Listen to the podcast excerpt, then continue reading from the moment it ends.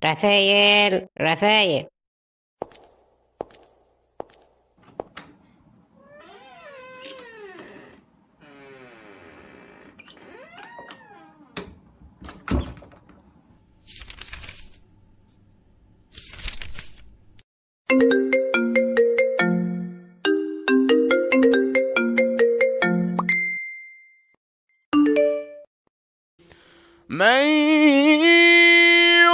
يصرف عنه يومئذ فقد رحمه وذلك الفوز المبين. وإن يمسسك الله بضر فلا كاشف له إلا هو. وإن يمسسك بخير فهو على كل شيء قدير. بشكرك جدا إنك نورتني في الحلقة دي بالتحديد. لأني متشوقة إنك تعرف حكايتي مع الله. في يوم من الأيام كنت واحدة عادية جدا زي ما بيقولوا مسلمة على الورق. رغم إني ما كنتش بعمل أي غلطات شنيعة يعني. لكن تفكيري كله كان غلط.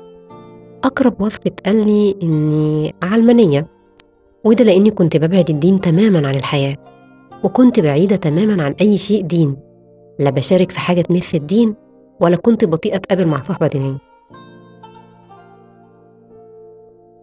يعني من الآخر كنت بصلي وصوم وانتهى على كده. الجانب الديني عندي كان آخر اهتماماتي وآخر حاجة ممكن أفكر فيها وما كنتش بقرب منها. تفكيري كله كان منشغل على الدنيا والطريقة اللي أحقق بيها ذاتي. ورغم إني كنت بجتهد وكانت علاقتي بربنا كويسة مش وحشة لكن كنت متخيلة إني كاملة فيها وإني طالما ما ارتكبتش الكبائر فأنا تمام التمام. حياتي كانت ملخبطة ومش ماشي فيها أي حاجة. الحقيقة إن نيتي ما كانتش لله لكن كانت للدنيا. وكنت بدعي كتير ربنا يكرمني طالما وجهني للاجتهاد ده لكن ما كانش في جواب يريحني.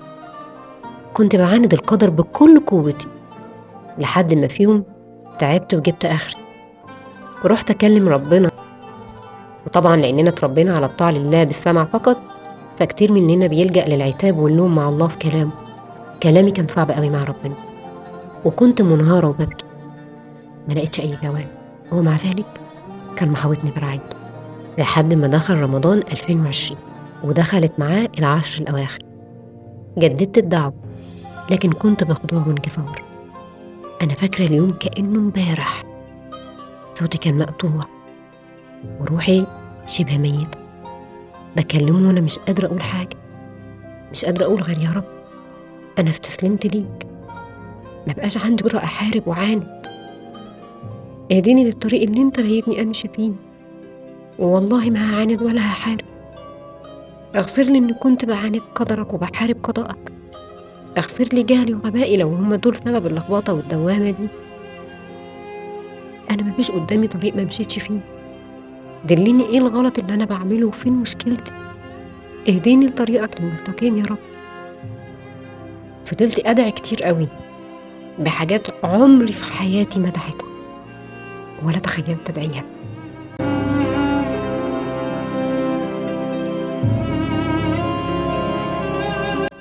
لساني ما كانش بيدعي غير بالهداية مع إن عمري ما اقتنعت بيها. كنت دايما شايفة إن أنا مش محتاجة إن أنا أهتدي في حاجة. أنا كنت شايفة إن أنا أحسن واحدة في الدنيا كلها. طالما مش بعمل أي محرمات. وفضلت أدعي كتير قوي وبعد ما انتهيت كنت منتظرة الفجر. وأنا في العادة ما بفتحش عليه. فجأة لقيت أجمل هدية ربنا بعتها لي.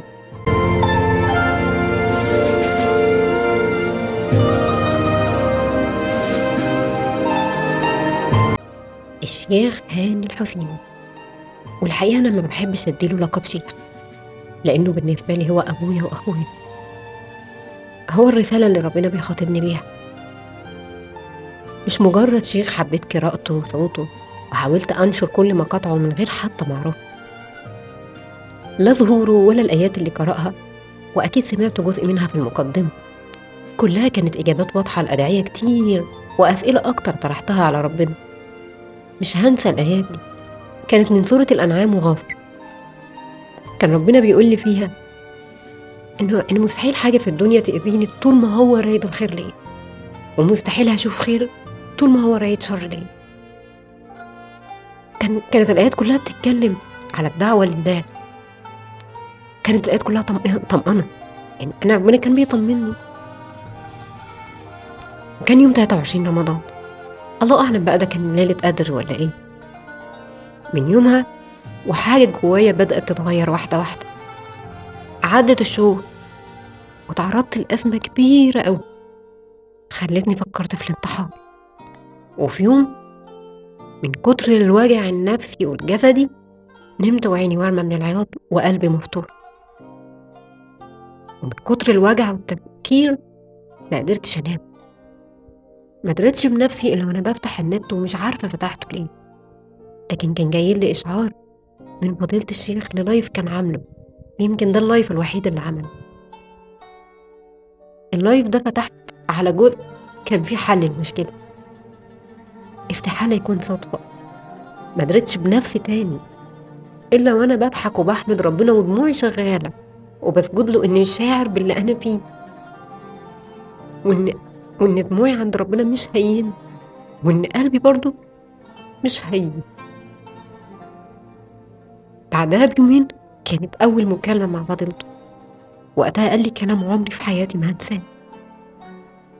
كلام يأكد لي إن ربنا اختار لي الطريق وإن عالم بكل اللي أنا فيه وإن سامحني وإداني فرصة أبدأ معاه من جديد.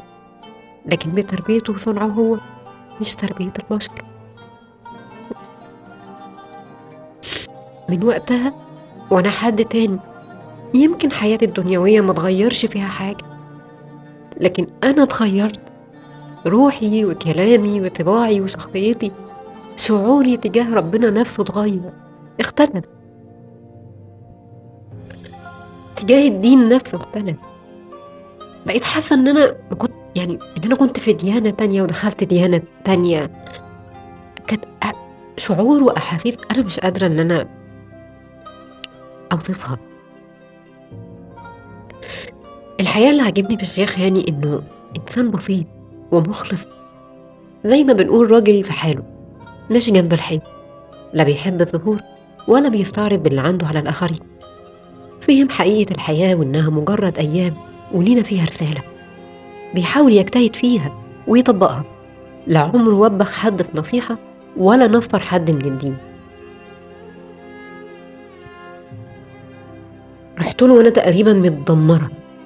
وأنا مشتتة ومتشككة في كل حاجة وأنا جاهلة ومش فاهمة. شعر بالخير اللي جواي الوحيد اللي فهمني من جواي الوحيد اللي قدر يفهم إن دي جواها حاجة كويسة. مش وحشة زي ما الناس فاهمة. وإن أنا مش مش في طريق الحاد زي ما الناس اتهمتني فيه. لكن أنا عايزة أفهم ربنا وأحبه أكتر وأقرب منه أكتر. الدين اللي أنا عليه ده بيقول إيه؟ أحكامه إيه؟ حقيقته إيه؟ عمره ما نهرني ولا اتهمني بالالحاد لكن ربنا بعطفه برحمته. كان بيبعت لي طمأنة بيبعت لي رسائل كتير على لسانه. من أسلوبه وصدقه وإخلاصه؟ جعله أقرب واحد ليا. خلاه مرجع ليا أرجع له فيه. وأفضل نعمة ربنا وهبها لي بعد الفترة دي كلها هو وجوده في حياتي. لأنه عادل الميزان المقلوب. يمكن أسعد لحظة لما بتجيلي رسالة منه أو مكالمة. ببقى عارفة إنه متابعني علشان ياخد باله مني من أي خطأ ممكن يرجعني لورا أو يعكر علاقتي بربنا. عارف تعرف أنت الطفل اللي مش فاهم حاجة طفل صغير اللي بيخطأ كل ما يمشي يخطأ كل ما يمشي يخطأ. وباباه وراه بيدعمه وبيراقبه. هو ده إحساسي معاه شعور إنه موجود في حياتي علشان يعدلها ويقومها مطمني جدا. مطمني للدرجة اللي بتخليني أنام وأنا مرتاحة إن ربنا حارسني بأوليائه وجنوده. ودي كانت رسالة النهاردة.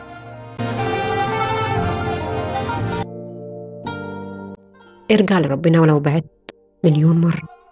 حاوط نفسك بالصالحين. واوعى اوعى حد يهدم علاقتك بربنا أو يرسمها لك أو يخططها لك أو يخليك تفقد ثقتك في نفسك وفي قدرة ربنا على إنه يغفر لك أو إنه يديك فرص تانية جديدة.